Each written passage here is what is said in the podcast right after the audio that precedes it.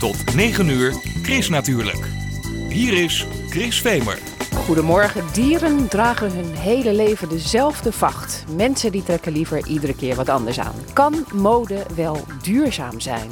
Ja, zegt de eerste Nederlandse dokter in de duurzame mode. Draag in plaats van katoen bijvoorbeeld een jurk van olifantengras. Adopteer je kerstboom, dan ben je echt groen bezig. Chris natuurlijk kijkt bij de adoptiebomen van uit je eigen stad. Op de stadsboerderij in de Rotterdamse Fruithaven zijn ze al helemaal in de kerstsfeer. Zelfs broertje de boerderijkat die houdt van kerst. Ai poes, ai poes. Dat een kat gaat spinnen als hij wordt geaaid, dat is niet gek. Maar een aai over een kamerplant en het licht gaat aan, dat is toch pure toverkunst. Living Light is een plant die sfeerlichtjes laat branden. Sfeerlichtjes, een kerstboom in huis, waarom doen we dat toch? Dat vragen we aan de tuinvrouw van Trompenburg Tuinen. Je hoort er meer over vandaag in... Chris natuurlijk, met Chris Vemer.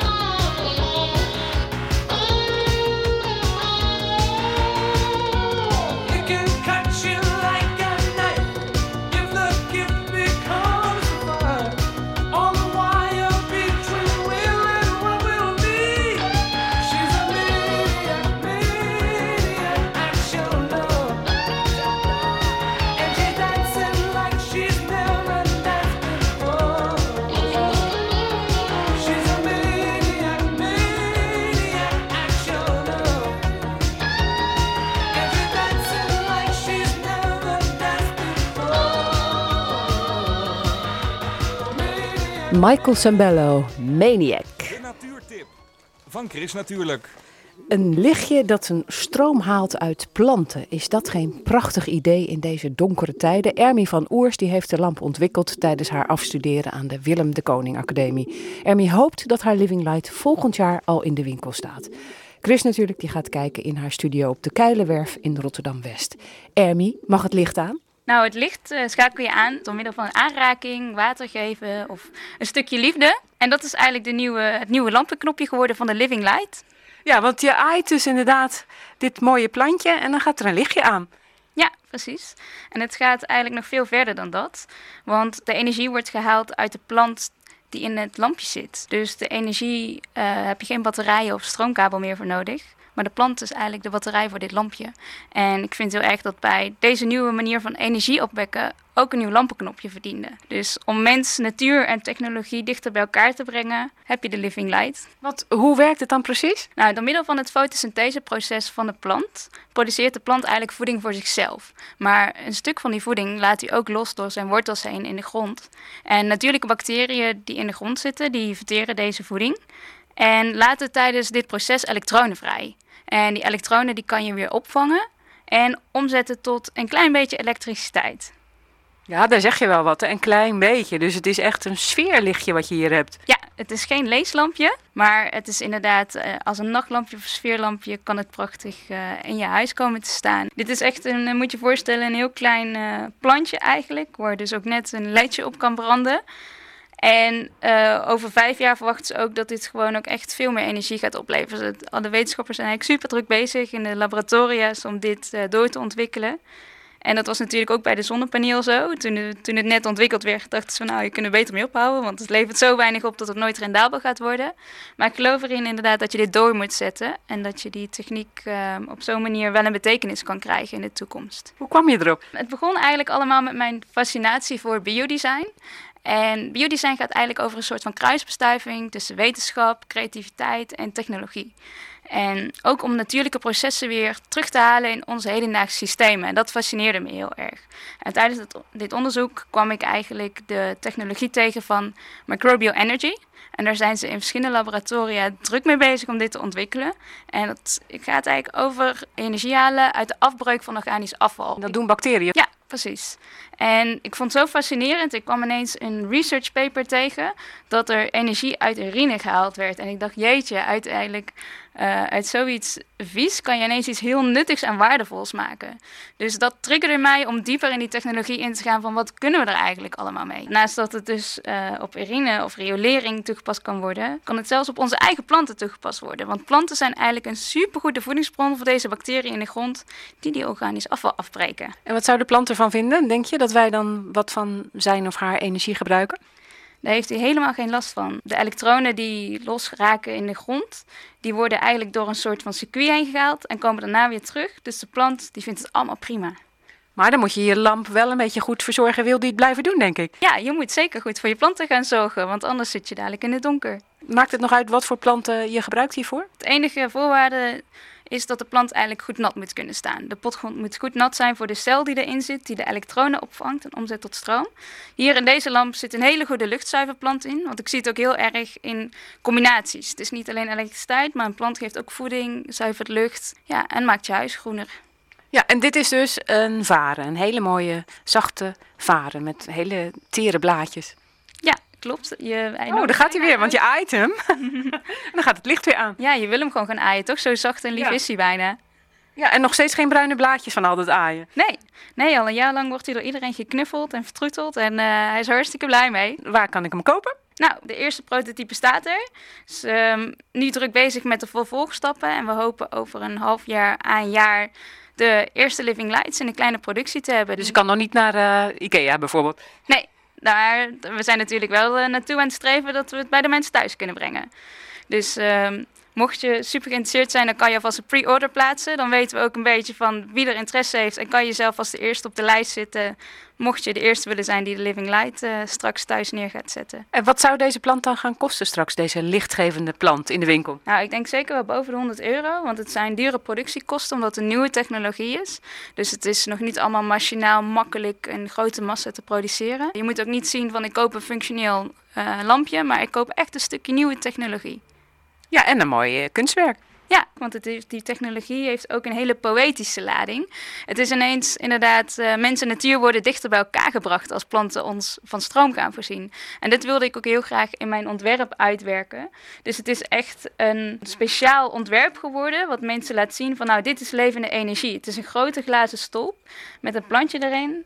Bijna een eigen wereldje vormt het zich. Wanneer je het dus aanraakt, gaat het licht geven. En de, de magie die eigenlijk in die technologie zit, wil ik op zo'n manier ook naar buiten brengen. Ja, want af en toe tijdens dit gesprek dan aai je die plant en dan gaat hij weer aan. En het is inderdaad een heel sprookjesachtig gezicht. Ja, het is eigenlijk bijna een sprookje, hè? dat je energie gewoon uit de natuur kan halen. En dat we niet meer die kolencentrales per se hoeven laten branden. En dat is natuurlijk nog heel ver weg. Ik denk zeker niet dat planten ineens alles op gaan lossen, deze technologie. Maar ik denk dat we in de toekomst gaan verzamelen en moeten putten uit verschillende energiebronnen. En dat wordt zowel de wind en de zon en misschien onze eigen bewegingen, onze riool, maar ook planten. Zodat we gewoon onafhankelijk ons ja, van energie kunnen voorzien. Zullen we nog één keer aaien? Zeker. Nou, is hij weer aan. Hartstikke mooi. Dankjewel. Graag gedaan. En je kunt je dus nu alvast opgeven voor een Living Light bij jou thuis. En dan moet je even kijken op livinglight.info voor meer informatie.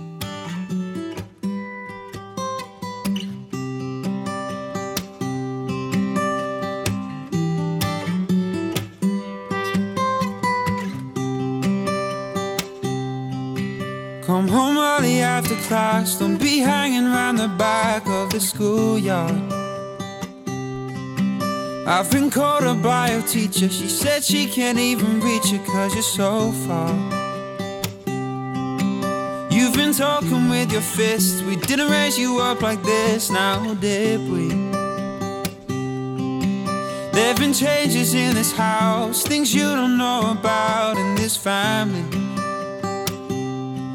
don't make sense, but nevertheless, you gotta believe us. It's all for the best. It don't make sense the way things go.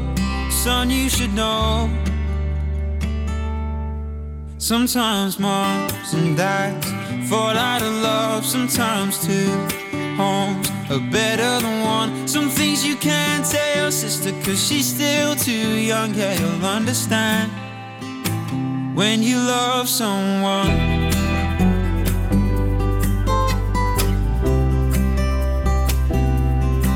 There ain't no one here to blame, and nothing's gonna change with your old friend.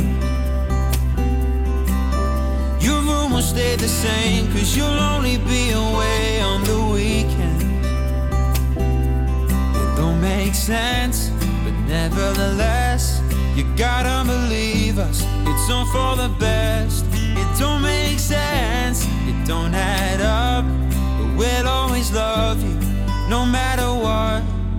Sometimes moms and dads fall out of love. Sometimes two homes are better than one. Some things you can't tell your sister, cause she's still too young. Yeah, you'll understand when you love someone.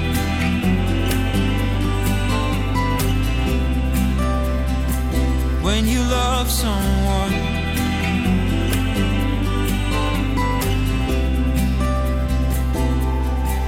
Come home early after class, don't be hanging around the back of the schoolyard. And if we're crying on the couch, don't let it freak you out, it's just been so hard. Sometimes moms and dads fall out of love. Sometimes the best intentions just ain't enough. Some things you can't tell sister, cause she's still too young. Yeah, you'll understand when you love someone.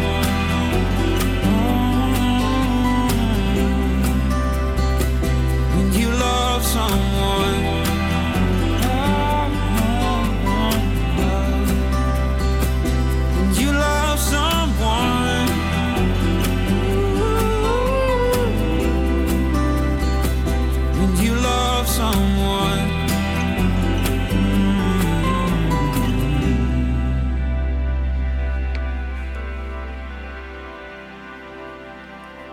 James T.W. When You Love Someone. Chris natuurlijk.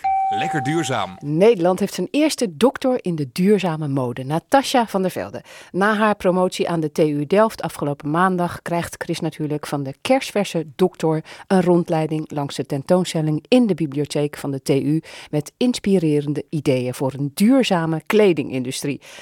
Al bij haar eerste idee begint het te kriebelen. Letterlijk dan.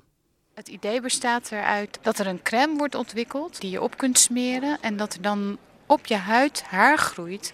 En eigenlijk is het idee dan dat we helemaal geen kleding meer nodig hebben. Dit is natuurlijk niet echt een heel serieus idee. Met deze tentoonstelling wil ik ook heel graag eh, mensen inspireren. En ehm, ja, daar is dit dan eh, een, een voorbeeld voor. En dan wil ik nog wel even aangeven dat ehm, ik ook heb nagedacht over een eh, tweede versie van bodyfur. Dat je bodyfur kan laten groeien op een kunstmatige huid. En dat dan later als een soort jas aantrekken. Maar mode en duurzaam, eigenlijk is dat een beetje met elkaar in strijd zou je zeggen. hè? Mode is gewoon vluchtig en duurzaam, dat is Ja. toch iets van langere tijd.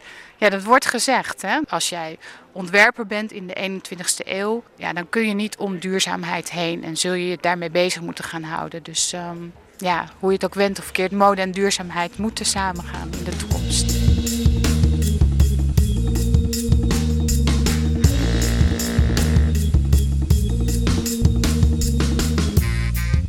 Ze zeggen wel eens de mode-industrie, dat is een van de meest vervuilende industrieën op aarde. Ja, ik heb daar eh, naar gekeken, heb ook literatuuronderzoek naar gedaan. En eh, daar kwam uit naar voren dat het de tweede vervuilende industrie is eh, na de olieindustrie. Eigenlijk begint het al bij, als je het bijvoorbeeld hebt over katoen, bij het groeien van katoen op het land.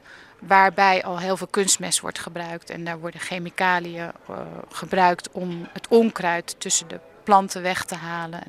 Dus ja, daar zit al heel veel eh, ja, toxische vervuiling, noemen we dat dan eh, in jargon. En als ik nou zeg, ja, ik neem eh, gewoon een t-shirtje van biologische katoen. Ja, ja.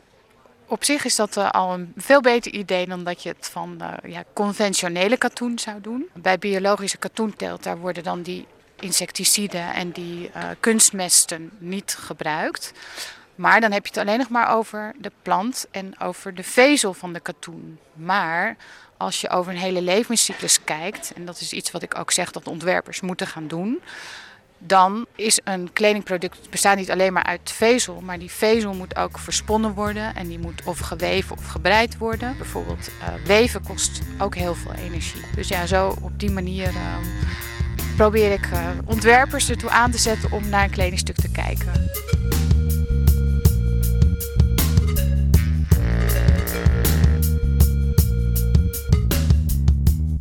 Waarom richt je juist op ontwerpers? Omdat wordt gezegd dat ontwerpers een hele grote invloed hebben op de milieuvervuiling die producten met zich meebrengen. Omdat zij in het begin van het ontwerpproces keuzes maken. Wat ik wel ook heb gemerkt is dat ontwerpers vaak niet zo goed weten hoe ze dat nou moeten doen. Hoe, maak je nou duurzame kleding?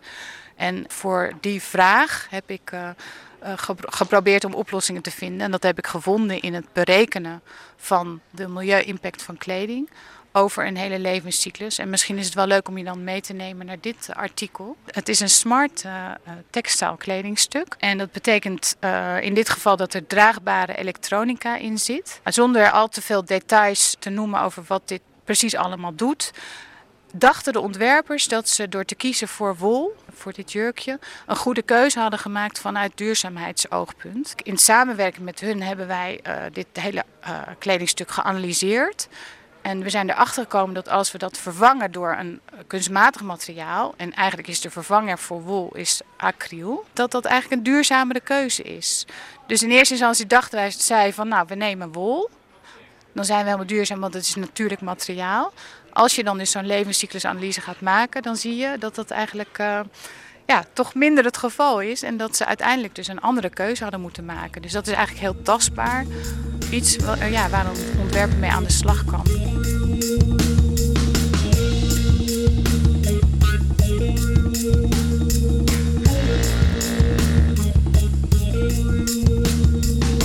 Heb je misschien nog een leuk eh, voorbeeld van wat jij hebt uitgevonden tijdens je onderzoek?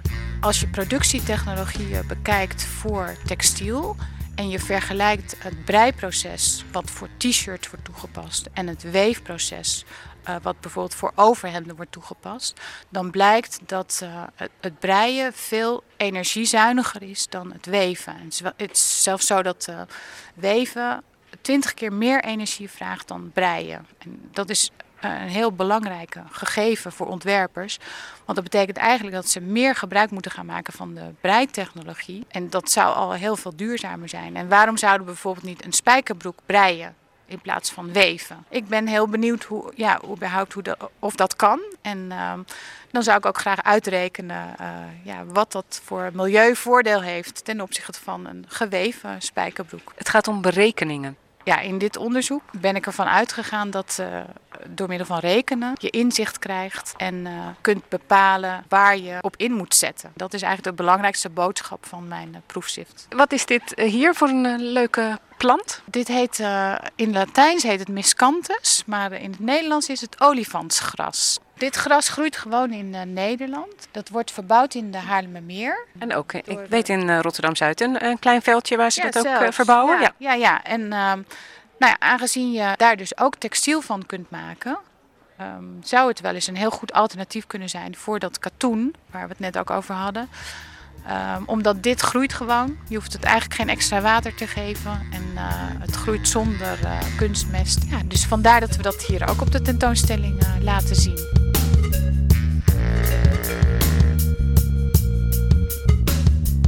Wat heb je eigenlijk zelf aan? Is dat duurzaam? Ja, dat is helemaal duurzaam. Ja, ja vertel. Ja, dat is echt. Ja, zal ik bij de laarzen beginnen? Ja, die laarzen die zijn van mijn uh, schoonmoeder. Die heb ik al ja, een jaar of tien geleden gekregen. Ze is inmiddels overleden, maar ik denk dat ze toen al 20 jaar oud waren, dus nu wel 30 jaar. De broek is tweedehandsje.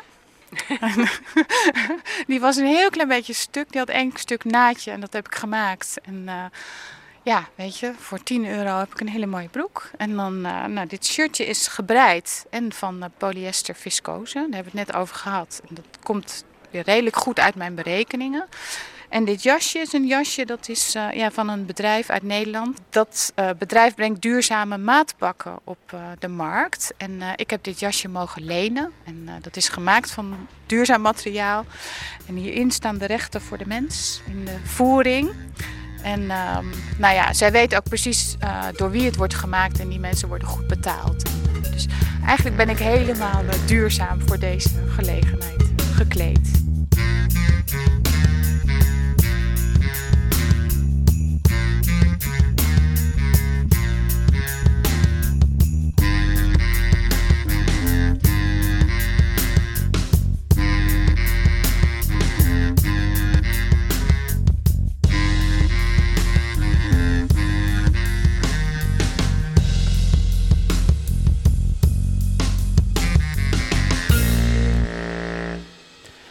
En u hoorde Natasja van der Velde, de kerstverse dokter in de duurzame mode. De eerste dus in Nederland. De tentoonstelling heet Rhapsody of Ideas for Sustainable Fashion. En die kun je van ochtends vroeg tot middernacht gaan zien in de biep van de TU Delft. En de muziek in het item is speciaal voor de tentoonstelling gecomponeerd en uitgevoerd door de promotor van Natasja, Han Brezet en zijn zoon Erik Brezet. En Han Brezet, misschien uh, kennen jullie die nog wel van bruinwerk van vroeger, Rotterdamse band. Natuurlijk. De weekendbijlage. Wat staat er in de weekendkrant over groen, natuur en milieu? Dat hoor je in het overzicht. Ik lees het samen met Joriem van de Wijngaard. Wijngaard, Joriem, goedemorgen. Goedemorgen. Mensen vernietigen niet alleen soorten, ze maken er ook nieuwe soorten bij, schrijft de Volkskrant in de weekendbijlage. Neem nou de merel in de stad. Die trekt, in tegenstelling tot de plattelandsmerel, niet meer naar het zuiden in de winter. Want er is voldoende voedsel en het is er warmer dan op het platteland. Verder is de snavel van de stadsvogel breder. Hij fluit een hogere toon om boven het verkeerslawaai uit te komen. En het nachtlicht maakt stadsmerels vroeger geslachtsrijp. Kortom, de stadsmerel en de dorpsmerel zijn hard op weg om verschillende soorten te worden. En Nederlanders die hangen jaarlijks genoeg kerstverlichting op om de aarde vier keer te omsnoeren. En dan kunnen die lampjes dus maar beter duurzaam zijn. De Volkskrant die geeft tips, bijvoorbeeld om kapotte kerstverlichting niet in de prullenbak te gooien, want die is voor 80% te recyclen. Kerstverlichting in de prullenbak, dat zou bij de familie Rombouts niet gebeuren. Het gezin uit Bussum doet mee aan het project 100 100 100. 100 gezinnen, 100 dagen, 100% afvalvrij. Plastic, papier en schillen van groenten kunnen opnieuw gebruikt worden. Alles wat niet te recyclen is, is echt afval. En dat proberen de deelnemers tot nul te verminderen. Je leest erover in Trouw. In de weekendbijlage van het AD een reportage over boomhutten. Van een eenvoudige hut in een oude eik in Toscane tot een luxe versie in Lapland. Waar je dik ingepakt naar de elanden kunt kijken. Of wat dacht je van de boomhutten in een natuurbeschermingsproject in Laos? Met een zipline, een soort kabelbaan, slinger je als een aap tussen de apen naar je boomhut in het oerwoud. Het was een zeldzaam gevalletje van wie is de mol, grapt de Telegraaf vandaag. Mollevanger Don Veenhuis uit de Achterhoek trof een zeer zeldzame witte mol aan in een van zijn klemmen. Witte mollen worden in ons land maar af en toe gevangen. Ja, het is wel jammer dat hij dan dood is. Hè? Ja, helaas. Dit was eh Jorien van der Wijngaard met het groene nieuws uit de weekendkranten. En we gaan door met het weerbericht. Dat komt van Leen de Koning. Leen, goedemorgen. We blikken natuurlijk alvast eh, vooruit eh, op morgen tijdens de bruggenloop, het weer. Maar we beginnen natuurlijk gewoon met vandaag.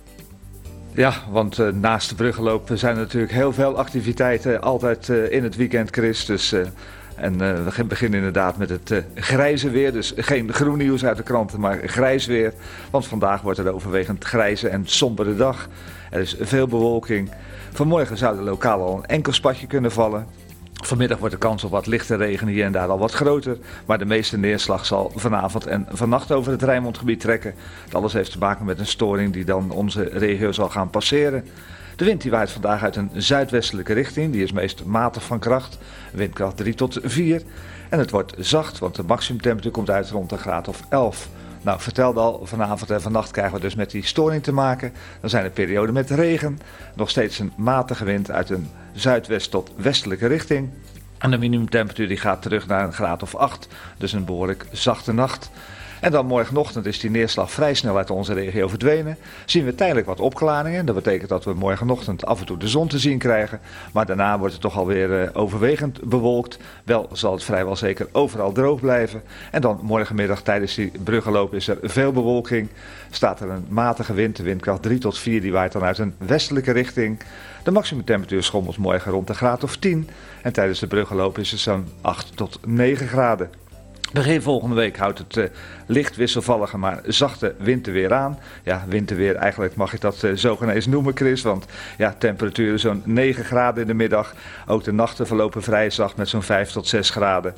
De kans op neerslag is eh, maandag niet al te groot. Dinsdagmorgen krijgen we weer met een zwakke storing te maken. Dan kan er uit de bewolking weer af en toe wat lichte regen vallen.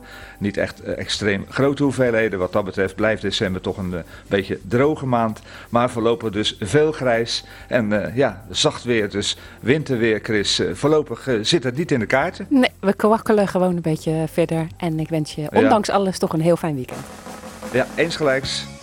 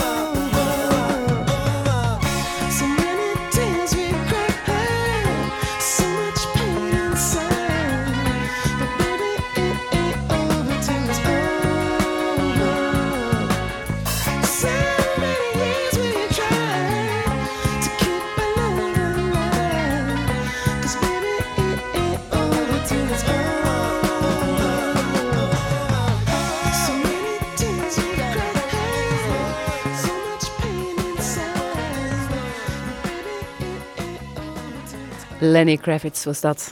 Chris natuurlijk. Lekker groen. Het weekend na Sinterklaas is voor veel mensen vaak het moment om een kerstboom te kopen.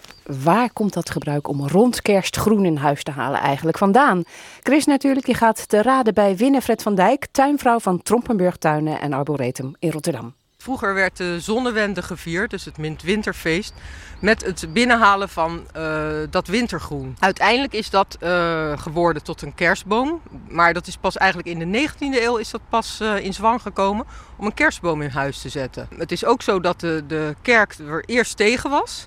En uiteindelijk zijn ze toch gezwicht voor het gebruik. En de katholieken hebben er dan een kerststalletje onder gezet. Omdat ze ook wel begrepen dat ze de zogenaamde heidenen niet hun, al hun feesten konden afnemen. En zo is het ook gebeurd eigenlijk dat eh, de geboorte van Christus rond eh, die tijd is gesitueerd. Want eigenlijk is het helemaal niet bekend wanneer eh, Christus precies geboren is. Laten we maar eens even een kerstboom gaan opzoeken. We hebben een treurende kerstboom. De normale fijnspar, de, de allergewoonste kerstboom, heet Picea abies. En deze heet Picea abies inversa. En dat betekent omgekeerd. En je ziet ook dat de takken die kruipen dan over de grond. Hè? Die, als, je, als je ze hun gang laat gaan, dan kruipen ze gewoon helemaal het pad over.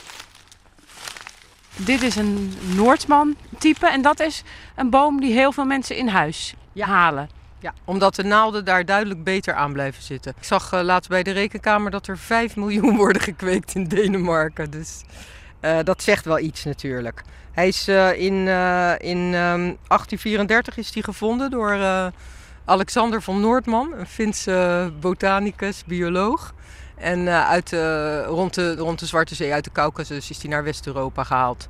En ik denk dat hij pas later, ik denk 100, 100 jaar later of zo, is hij pas eh, zo eh, bekend geworden hier. De meeste bomen die je koopt, die, een- die een beetje hoogte hebben, zeg maar zo 1,80, die zijn meestal al 10 jaar oud.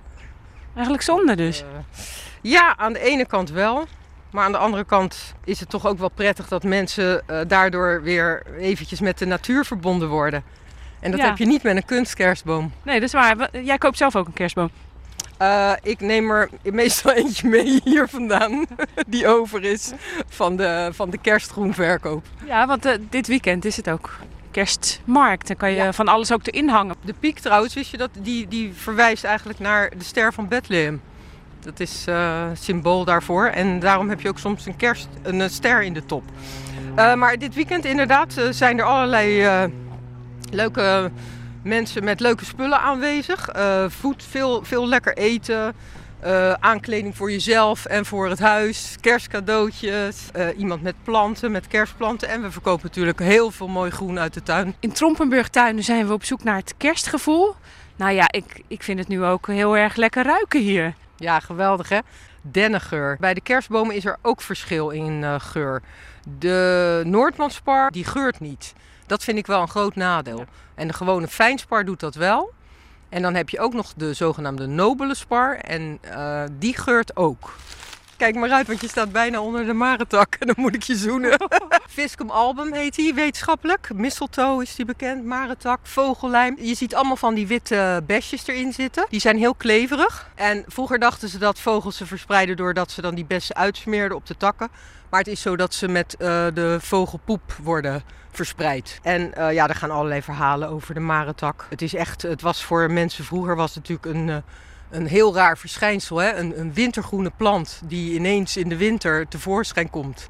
Dus dat, dat werd als een wonder beschouwd, maar ook wel als een duivels iets. Waar komt nu dat gebruik vandaan dat je tijdens kerst elkaar moet zoenen als je onder de mistletoe staat? Nou, dat heeft waarschijnlijk te maken met dat het een, vruchtbaarheidssymbool eh, was. Zoals alle wintergroene takken eigenlijk als vruchtbaarheid en eh, symbool van eeuwig leven werden beschouwd. Er, het wordt ook gezegd dat het goed is als je eenmaal verliefd bent om degene waar je van houdt te zoenen onder de marentak, omdat het dan blijvend zou zijn.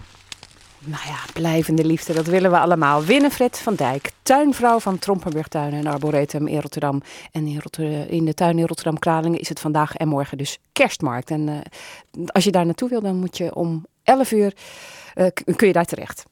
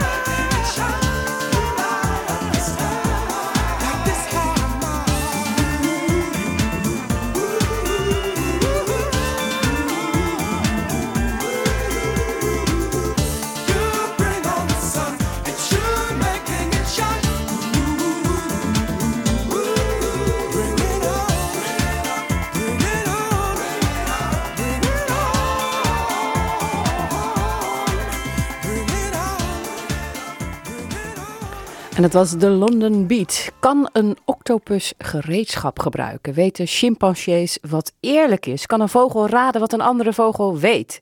Nog niet zo lang geleden zouden we nee antwoorden op al deze vragen. En nu zijn we daar niet zo zeker meer van. Dieren blijken een stuk slimmer te zijn dan we dachten. De wereldberoemde bioloog Frans de Waal die is maandag in Rotterdam voor de lezing. Zijn we slim genoeg om te weten hoe slim dieren zijn? Helaas is deze lezing stijf uitverkocht, maar je kunt altijd zijn boek lezen met dezelfde titel, uitgegeven bij Atlas Contact. In de winkel kost het 24,99 euro, maar er is één luisteraar die dit boek kan winnen. Je hoeft niet slim te zijn, alleen maar te bellen op 010 436 4436. Dan maak je kans. Luisteren allemaal naar Chris. Kom daar toch. Chris, natuurlijk. Wereldwijd worden er zo'n 85 miljoen bomen gekapt om de kersttraditie in stand te houden. Er zijn heel wat alternatieven, bijvoorbeeld om je boom na kerst terug te planten in je achtertuin. Heb je die niet, dan kun je een boom leasen, zoals bij Stadsboerderij uit je eigen stad in Rotterdam-West. Daar zijn Michel Olsthoorn en Ilse Boom al volop in de kerstsfeer. We hebben gelijk toen Sinterklaas het land uitging alle lampjes opgehangen. De kerstbomen zijn binnen. We maken ons klaar voor de kerstmarkt morgen. Wat zie ik hier allemaal liggen? Leuke kerstcadeautjes? Jazeker, onze kerstpakketten. Die zitten helemaal vol met spullen uit de Rotterdamse regio. En eh, komende week moeten onze kerstelfjes nog veel meer pakketten inpakken. Wat zit erin dan bijvoorbeeld uit deze buurt? Appelsap uit, eh, van de Buitenhof, zorgboerderij. Tim Matthäus ketchup van eh, een voormalig werknemer ook van ons die biologische ketchups maakt. Pindakaas uit Rotterdam, eh, de Rotterdamse confituren, honing uit Rotterdam, Kaapse brouwers, dus van alles en nog wat. En dat is een beetje ook het doel van uit je eigen stad. Ja, wij zijn hier eh, heel erg bezig met ook onze eigen groenten verbouwen voor het restaurant. En verder kijken we heel erg naar eh, wat er in de regio gebeurt. Er zijn in Rotterdam echt ontzettend veel innovatieve en, en creatieve, duurzame ondernemers. Heel veel van die leveranciers komen eh, morgen ook. Bijvoorbeeld de Bakkerswerkplaats, eh, die eh, zit op Katendrecht en die komen hier lekker kerstbroden verkopen. Niche, eh, dat is een, een vrij bekende bloemist uit Rotterdam, komt hier met haar ja, kerststukjes staan. En als je dan echt groen bezig wilt zijn met kerst, dan moet je een kerstboom adopteren. Dan moeten we even naar buiten, want daar staan ze allemaal. Yes!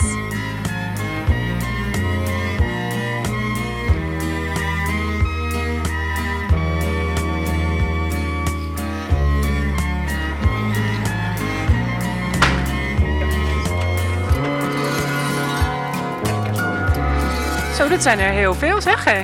Eh, ja, er zijn er in totaal afgelopen dinsdag 150 geleverd bij ons. Eh, daarvan is dan nu voor het eerst zo dat een gedeelte weer geadopteerd zijn na vorig jaar. Toen zijn we ermee begonnen hier. Maar wat is dat dan eigenlijk, adopteren een kerstboom? Het zijn duurzame kerstbomen eigenlijk. Want nou, we kennen allemaal wel de beelden in januari van de vuilcontainers met kerstbomen ernaast. Dat is natuurlijk wel een beetje verdrietig. En bij adopteren een kerstboom kies je een boom uit. Die boom heeft een, een nummer en dat nummer wordt gekoppeld aan jouw naam. Nou, je neemt de boom lekker mee naar huis voor de kerstdagen. In januari komt hij weer terug bij ons.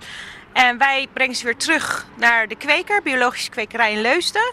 Daar gaan ze weer de grond in. En het jaar erop krijg je een mailtje van... hé, hey, je boom eh, staat er nog mooi bij, wil je hem weer? En zo kan je een boom tot wel vijf jaar, meestal eh, lukt dat wel. En we hebben zelfs iemand gehad die al tien jaar dezelfde boom had. Ja, maar jullie doen het pas voor de tweede keer. Ja, klopt. En ik zie daar allemaal mooie witte labeltjes. Dat betekent dat zijn bomen die, die terug zijn gekomen. Die mensen al vorig jaar geadopteerd hebben. Ja, daar staan de nummers op. Die laten de kwekerij het, ja, het hele jaar door aan de boom zitten. Zodoende weten zij welke boom, welk nummer eh, hoort bij welke boomfamilie. Ja, want en jij vertelde, want als de mensen het zelf nog willen herkennen, willen ze zeker weten dat het hun boom is. Ja, we hebben vorig jaar gezien dat sommige mensen nog een klein strikje of een klein kerstballetje in hun boom hebben laten hangen. Om te kijken of het wel echt hun boom was die ze terugkregen. Nou, en die zijn inderdaad ook weer terug bij ons gekomen. Dus af en toe zie je er eentje al met een versierseltje erin hangen.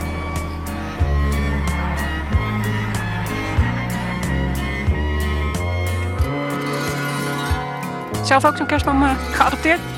We hebben er zelf in het restaurant een hele mooie grote eh, geadopteerd, inderdaad. Als je nou morgen naar de kerstmarkt komt en je wil ook nog zo'n boom adopteren. En ik zie hier al die witte labeltjes van al geadopteerde bomen. Is er dan nog wel eentje over die je ook kunt adopteren? Achter de geadopteerde bomen staat nog een hele voorraad met vrije bomen die op zoek zijn naar een nieuw gezin. Ja, want het, het leeft wel, hè? Ja, we hebben echt ontzettend veel enthousiasme. Dat zagen we vorig jaar al. Maar we zijn nu ook al een maand lang hebben we al telefoontjes van mensen. En zeker de afgelopen week veel mailtjes van is er nog een boom voor me? Ja, die is er. Maar wacht morgen niet tot eind van de dag, want dan kunnen we niet meer beloven dat er nog bomen zijn. En de boerderijkat, wat vindt die ervan? Nou, die vindt het helemaal gezellig. En gelukkig eh, hebben we er hier geen ballen in hangen, want anders was het denk ik een groot feest voor hem geweest.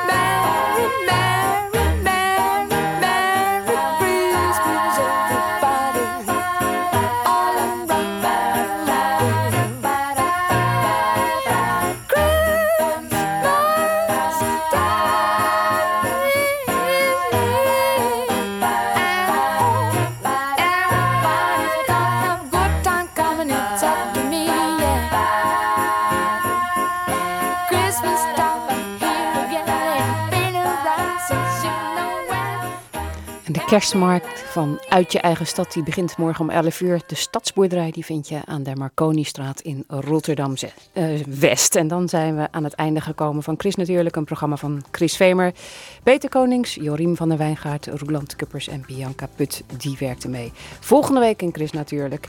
Kijk waar je loopt. Met Jelle Reumer kijken we naar de stokoude natuur van de stad.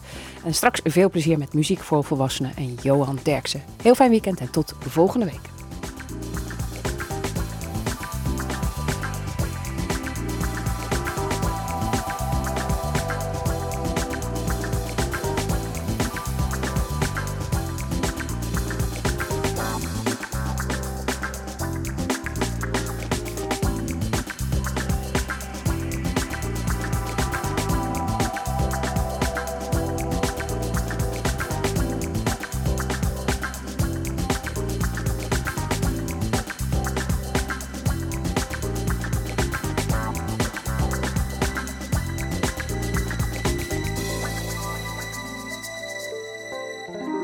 Natuurlijk. Kijk ook op chrisnatuurlijk.nl